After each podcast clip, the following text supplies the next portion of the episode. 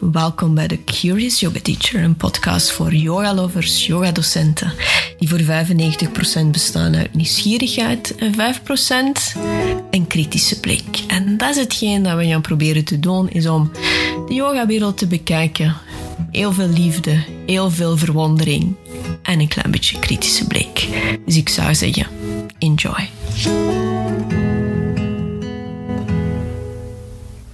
Namaste yogis, welkom bij opnieuw een nieuwe aflevering van de Curious Yoga Teacher. Dus ik krijg altijd de beste ideeën als ik ergens op hotel zit of op een moment dat ik niks doe. Of dat ik zeg van ik ga ontspannen en een boek lezen. Dat is altijd het moment dat ik denk van dan springen de ideeën in mijn hoofd.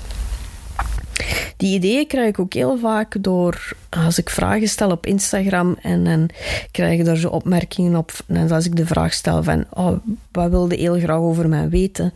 Wat zou als je in mijn brein zou kunnen um, met jouw vinger kotteren, wat zouden willen weten? Dus een van die vragen was van, goh Nele, hoe verdien je jouw geld en hoe zit die overeenkomst ervan en uh, hoe, hoe, hoe bol werk je dat allemaal? Um, ja, ik ben een yoga-docent en een business coach. Ik weet aan business coachen dat soms integraal online smijten van en ik heb zoveel K verdiend, een 10.000 en een miljoen omzet. En als yoga-docent dan zijn de verdiensten natuurlijk veel minder dan dat. En ik vind het ook niet mijn taak om dat hier te vertellen. Ik heb een goed evenwicht gevonden en, en daar hou ik het bij. Maar wat ik het wel over wil hebben, is dat we heel vaak een beetje te beperkt zijn als we denken van wat kunnen we allemaal doen als we ons yoga-diploma in onze handen hebben. We denken ook vaak heel zwart-wit. Ofwel is het van ik stop met mijn job en ik ga fulltime yoga les geven. Of ik geef um, ik doe nog mijn werk en dan werk ik met de pletter in de uren erachter. Dus dat we, dat we moeite hebben om balans te vinden, dat we soms te snel de knopen doorhakken, dat we vaak niet alle mogelijkheden en de opties zien die er zijn. Wat denken we eerst aan? Natuurlijk denken we eerst van als ik mijn diploma heb, dan kan ik een yogastudio open doen. Of ik kan yogales geven in een yogastudio. De yoga-studio's zijn struggelen de laatste, laatste twee jaren. En daar heb ik het in een vorige aflevering ook al over gehad. Dat we, hoe dat we de yoga-studio's invullen, de functie en wat dat we aanbieden in een yoga-studio, wanneer en wat dat we dat is goed moeten bekijken hoe dat we dat doen. Maar er zijn veel opties ernaast. Dus ik ga deze podcastaflevering gebruiken om echt wild te brainstormen. En hopelijk zit er iets tussen voor jou. Belangrijk is om te weten van wat vinden leuk, hoeveel lessen wilde geven, uh, sta je open voor opties, wilde dingen uitproberen. Ben je net afgestudeerd, dan ga je dingen moeten uitproberen. Vaak in het begin gratis. Ik ben geen fan van gratis, want ik vind dat uh, je hebt geïnvesteerd, dat het leuk is om ook betaald te worden voor het werk dat je doet. Maar als het een testcase is en je wil dingen uittesten, of een pop-up of iets anders, dan doe je dat gratis of tegen een laag tarief. En dat is de test dat je weet van, ah, dat komt goed. Want het heeft geen zin om heel veel reclame te maken, om dan iets op te starten en dan na twee weken te stoppen. Dus je moet dat altijd testen. Oké. Nu zijn we klaar voor de wilde, uh, wilde brainstorm. Naast yoga studios en lesgeven in een yoga studio is er nu een hele grote opmars van de high-end gyms. Dus de gyms die, heel, die alles aanbieden. De, de maandelijks abonnementsprijs is niet goedkoop, maar alles zit erin. Dus dat wil zeggen dat je kunt crossfitten, toestellen kunt gebruiken, een sauna kunt springen, pilates kunt doen, yoga kunt doen, kunt boksen, alles. Die gyms staan ook open voor meer dan alleen maar power yoga of vinyasa yoga. Die staan open voor ashtanga yoga, yin yang, yin yoga, breathwork, meditatie. Het is leuk om als je een yogadocent hebt die keigoed is één in één stijl en dan nog iets ernaast doet. Er is ook heel veel vraag naar Pilates. Misschien wilde die twee combineren. Dus de high-end gyms. En ook kun je zien van welk publiek spreken de gyms aan. Sommige gyms hebben een iets ouder publiek, of merken dat er overdag vooral iets oudere mensen aanwezig zijn. En dan, daarmee bedoel ik niet uh, eh, 40 plus, daarmee bedoel ik mensen die uh, eh, 65 plus zijn en, en niet meer hoeven te werken. En dan de, de jongeren ja, de meestal s'avonds zien of in het weekend, of je hebt altijd mensen met glijdende uren. Dus er is ook een aanbod voor de werkende mens. En er is ook een aanbod voor mensen die zijn overdag. Dus dat wil zeggen dat je daar ook al op kunt nadenken van... Oké, er zijn verschillende aspecten, er zijn verschillende uh, factoren. Ik heb al eens nagedacht om misschien les te geven in een multidisciplinaire praktijk. Kinesist, osteopaat, die hebben vaak een klein zaaltje aanwezig. En dan kun je zeggen van, is er een manier om mensen te helpen die regelmatig naar de osteopaat of naar de kinesist komen als een soort van onderhoudsyoga. Mindfulness, meditatie, um, bewust bewegen, cat cow pose, die dingen. Altijd denken van match het in hetgeen dat al aanwezig is in de praktijk. Dus daar zijn er nog heel veel mogelijkheden. Dus als je uh, naar de kinesist moet, en je hebt iets aan jouw teen of aan jouw rug en je moet die behandelingen doen, babbel er dan ook eens mee en vraagt van, oh, heb je er al eens nagedacht om dat aan te bieden? Denk je dat dat leuk is? Je kunt dat eens proberen met een lessenreeks. Werkt dat goed? Dan kun je dat blijven doen. En zeker in zo'n multidisciplinaire praktijken, als die dat niet altijd aanbieden, als die geen beurtenkaarten hebben, dan kunnen ze zeggen van, ik ga werken met een lessenreeks van vijf lessen. Yoga voor beginners. En dan doe je dan, en dan zorg je ervoor en dan, dat ze wel alle lessen moeten volgen. Dus ze volgen een, een traject bij jou. Dat is idee dat we dat kunnen doen. Een heel groot ontgonnen gebied is nog altijd hetgeen wat je kunt doen in jouw bedrijf zelf. Je werkt ergens en ik merk dat er altijd heel veel weerstand is om daar iets te doen, omdat je dan denkt van, oh, ze zien mij nu als um, Nele van HR en dan stap ik uit mijn rol en dan doe ik iets anders. Maar er, er, er zijn wel heel veel mogelijkheden. Je kunt uh, s starten met een mindful koffiemoment of een mindful theemoment. Smiddags is er een decompressing moment. S'avonds kun je lesgeven als een overgang van de drukke dag naar een ontspannen avond en dan vertrekken ze naar huis en hebben ze een yoga gehad en dan kunnen ze genieten van de rest van een avond. Dus de, wat je ook kunt doen, en dan spreek ik nu alleen maar over fysieke lessen, hè, alle fysieke lessen.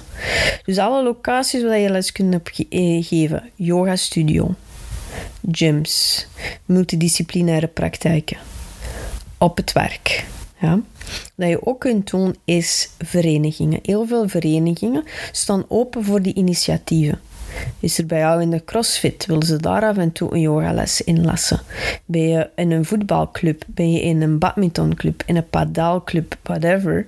Yoga voor padellers. Yoga voor um, golfers. Yoga voor dit, yoga voor dat. Dus in jouw kinderen zitten misschien in een vereniging. Dus daar zijn er ook heel veel opties dat je kunt doen. En het leuke ervan is dat kunnen tijdelijke dingen zijn. Uh, zijn er is er een beachbar die opent? Kan je iemand in die beachbar kunnen lesgeven daar? Het is ook leuk om te denken van het hoeft niet altijd een vaste les te zijn over een periode van een jaar. Het kan ook zijn dat je zegt van ik ben een zomermens en ik heb energie in de zomer en ik heb tijd in de zomer, ik doe het dan. Zeker als je iemand bent die het werkt in het onderwijs, kun je dat doen. Als ik het nu heb over het onderwijs, wat zijn alle mogelijkheden niet in het onderwijs dat je kunt doen? Dat je mindful dingen kunt toepassen voordat de les begint. Een aantal stretchen voordat de les begint. Ik herinner mij nog de docent Nederlands in het middelbaar die liet ons yoga-technieken doen in het begin. Ja, natuurlijk vonden we die allemaal wat geflipt en raar. Dat was een Hollandse met hele wilde krullen. En die had altijd van die rare kostuumpjes aan. Maar ik herinner ze nog. Hè? Dus dat is ook iets dat je kunt doen. Is er iets dat je kunt doen in het school? Dus dat is al hetgeen dat je in persoon kunt doen. Wat je ook kunt doen is privéles geven. Privéles geven aan een groepje vriendinnen. Misschien zijn er oudere mensen in jouw omgeving die graag een privéles willen. Laat het iedereen weten. Wie weet komen ze met leuke ideeën af. Dus je hebt ook nog die privélessen. Daarnaast, misschien wil je een YouTube-kanaal opstarten en zeg je van ik wil daarmee starten. Misschien wil je online les geven. Wat dat heel, heel leuk is voor een bedrijf, is dat je een, platform opricht, met er een aantal lessen op staan, dat iemand uit jouw bedrijf gewoon kan zeggen van, oh, ik heb nu zin om dit te doen, ik ga dit even doen. Dus dat dat een soort... Ik denk dat niet, dan in bedrijven allemaal platformen zijn. Er zijn platformen om gegevens te delen, om anderen te delen, andere dingen te delen. Dus misschien is dat ook een idee om video's op te nemen. En dat is ook allemaal terwijl je nog gewoon een, een fulltime job hebt. Misschien wil je lesgeven aan kinderen. Dus in persoon, online, dingen vooraf opgenomen of dingen via livestreaming. Lesgeven op events, tijdelijke dingen. Lesgeven op vaste basis. Hm? Dus ik hoop stiekem dat je nu toch al zo wat ideeën begint op te borrelen en dat je denkt van, goh, dat is leuk, dat is leuk, dat is leuk. En dat je ook eens denkt van, denk niet te ver. Denk niet aan, oh, ik wil lesgeven in een retreat center in Bali, terwijl je niemand kent in Bali en nog geen diploma hebt. Dan gaat dat niet lukken. Maar je kunt wel altijd denken van, oké, ik ga de stap zetten om een opleiding te starten. En wat zijn de mogelijkheden achteraf? Is er in mijn onmiddellijke omgeving mogelijkheid om al iets op te starten? En dat is het moment waarop dat je het zaadje plant. Want heel veel mensen die we met de opleiding doen, moeten achteraf een examen doen. En je moet een sequence maken en die sequence geven aan de groep en dan krijg je feedback op. En dat is een onderdeel van jouw examen.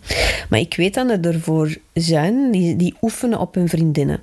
Die dan eens spelen en dan vragen en dan feedback vragen. En dan wanneer dat de opleiding is afgelopen, vragen van, ah, heb je nog interesse om les te volgen?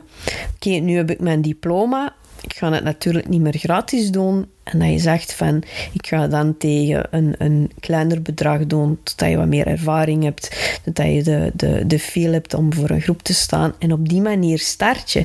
De ene vriendin vertaalt het tegen de andere. Misschien uh, heeft hij een vrijgezellen feest en zegt ze in de plaats van mij te bezetten, wil ik een leuke dag met wat stand-up paddle en wat yoga en van alles en nog wat. Ben jij de persoon die er yoga geeft. Dus dat je ook ziet van, wat is er allemaal niet mogelijk? Hè? En experimenteren, dingen uitproberen. Zien in mijn dichtste omgeving, is er iemand dat kan aanspreken? Doe dit de eerste keer gratis, zie wat de feedback is. Is het enthousiast? Super. Is het niet enthousiast? Pak het niet persoonlijk. Want we denken altijd van, ik heb het niet goed gedaan. Misschien was de formulering matchte die niet bij de persoon waar hij het op richtte. Misschien kwam het te esoterisch over. Misschien was het iets te sportief. Ehm, misschien moet meer zeggen van... moet gewoon het zinnetje erbij zetten. Begin dus welkom. Of beginners niet welkom. Heel duidelijk omschrijven wat je wilt en niet zo vaag van, oh ja, het is een yogales. Want mensen die nog nooit geen yoga hebben gedaan, die denken, oh, dat gaat heel rustig zijn, dat is wat ademen. Iemand anders denkt van yoga, nee, dat is te lastig voor mij. Dus dat je altijd heel goed formuleert van ik wil dat geven, dat zijn de onderdelen, het is geschikt voor die. En probeer het gewoon eens en zie wat dat het resultaat is. Al, zoveel dingen die ik zelf heb gedaan, die komen gewoon door iemand die, die ziet dat ik yoga doe en dan zegt van, oh, heb je geen goesting om dat te doen?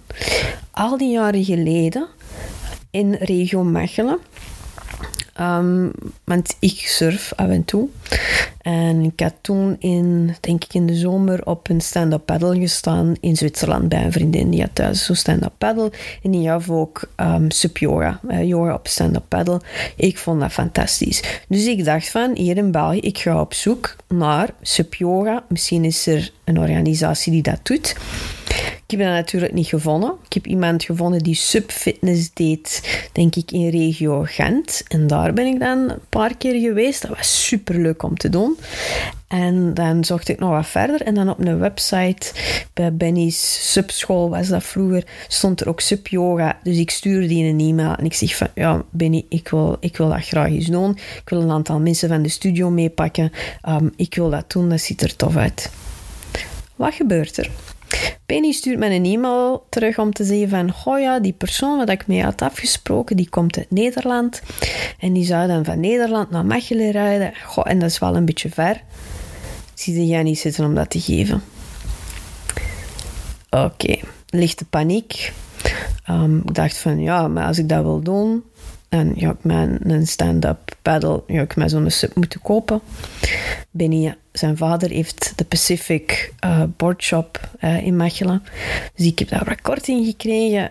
Een eerste uh, je speciale yoga stand-up paddle gekocht een anker gekocht, zodat ik niet te ver wegdreef.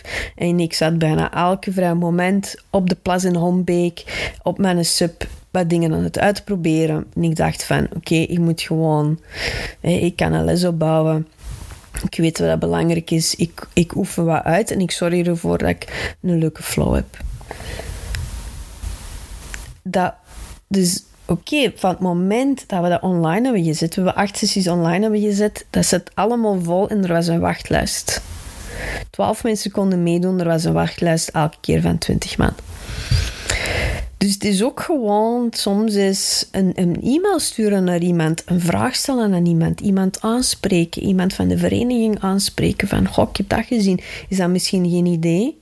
En vaak krijg je ook een deur, een deur in jouw gezicht en oh nee, we willen dat niet doen. En vaak als je een nee krijgt, is dat omdat mensen geen zin hebben om dat te organiseren. Die zien alleen maar het werk. Die hebben zoiets van, oh, dan moet ik dat organiseren, dan moet ik dat online zetten, dan moet ik er een flyer voor maken, dan moet ik dit doen. Dan is het, ja, als yoga-docent misschien wel leuk het idee om een stuk van dat werk over te nemen en te zeggen van, ja, maar ik wil die tekst wel schrijven en ik zoek die foto wel en ik maak die flyer wel. En, en ik zorg dat alles klaar staat. Het enige dat je moet doen, is dat misschien in de nieuwsbrief zetten en dat is het. Dus dat je ook merkt dat heel vaak tegenkanting kan zijn, omdat mensen zoiets hebben van, ik heb er geen, ik heb er geen tijd voor.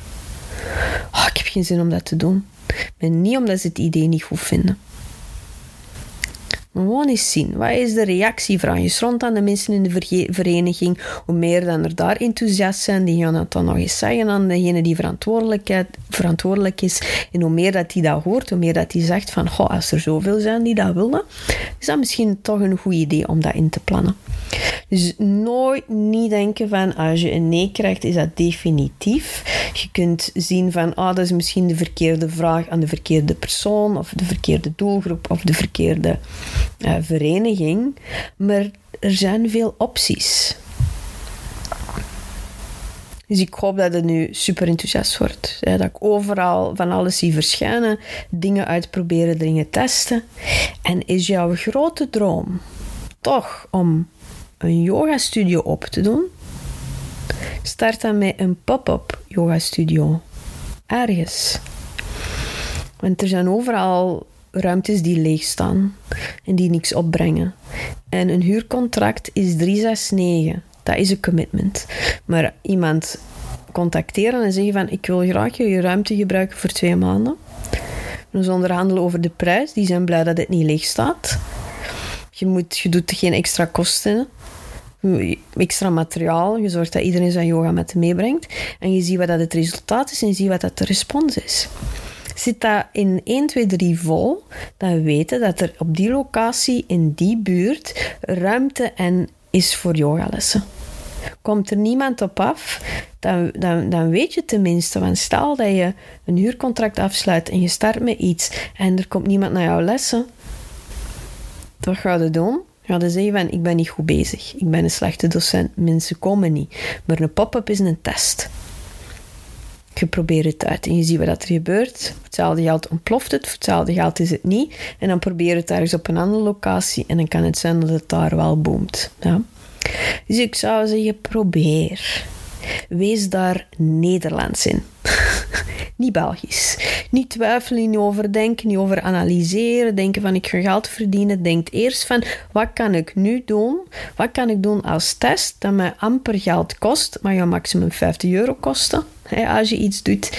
En toch om eens te testen van is het leuk of niet. Vind ik het leuk? Vinden de mensen het leuk? En wie weet waar het jou naartoe brengt. Ja? Oké, dat was de brainstorm-sessie van, van deze week. Dus als je zegt van, gewoon heel, ik wil nog van die dingen, ik wil nog van die tips, uh, dan mag je me altijd een e-mail sturen of een berichtje sturen via Instagram. Je kunt mij vinden onder School of Vinyasa. Of je stuurt me een e-mail naar hello at schoolofvinyasa.be. See you. Tot de volgende. Bye bye.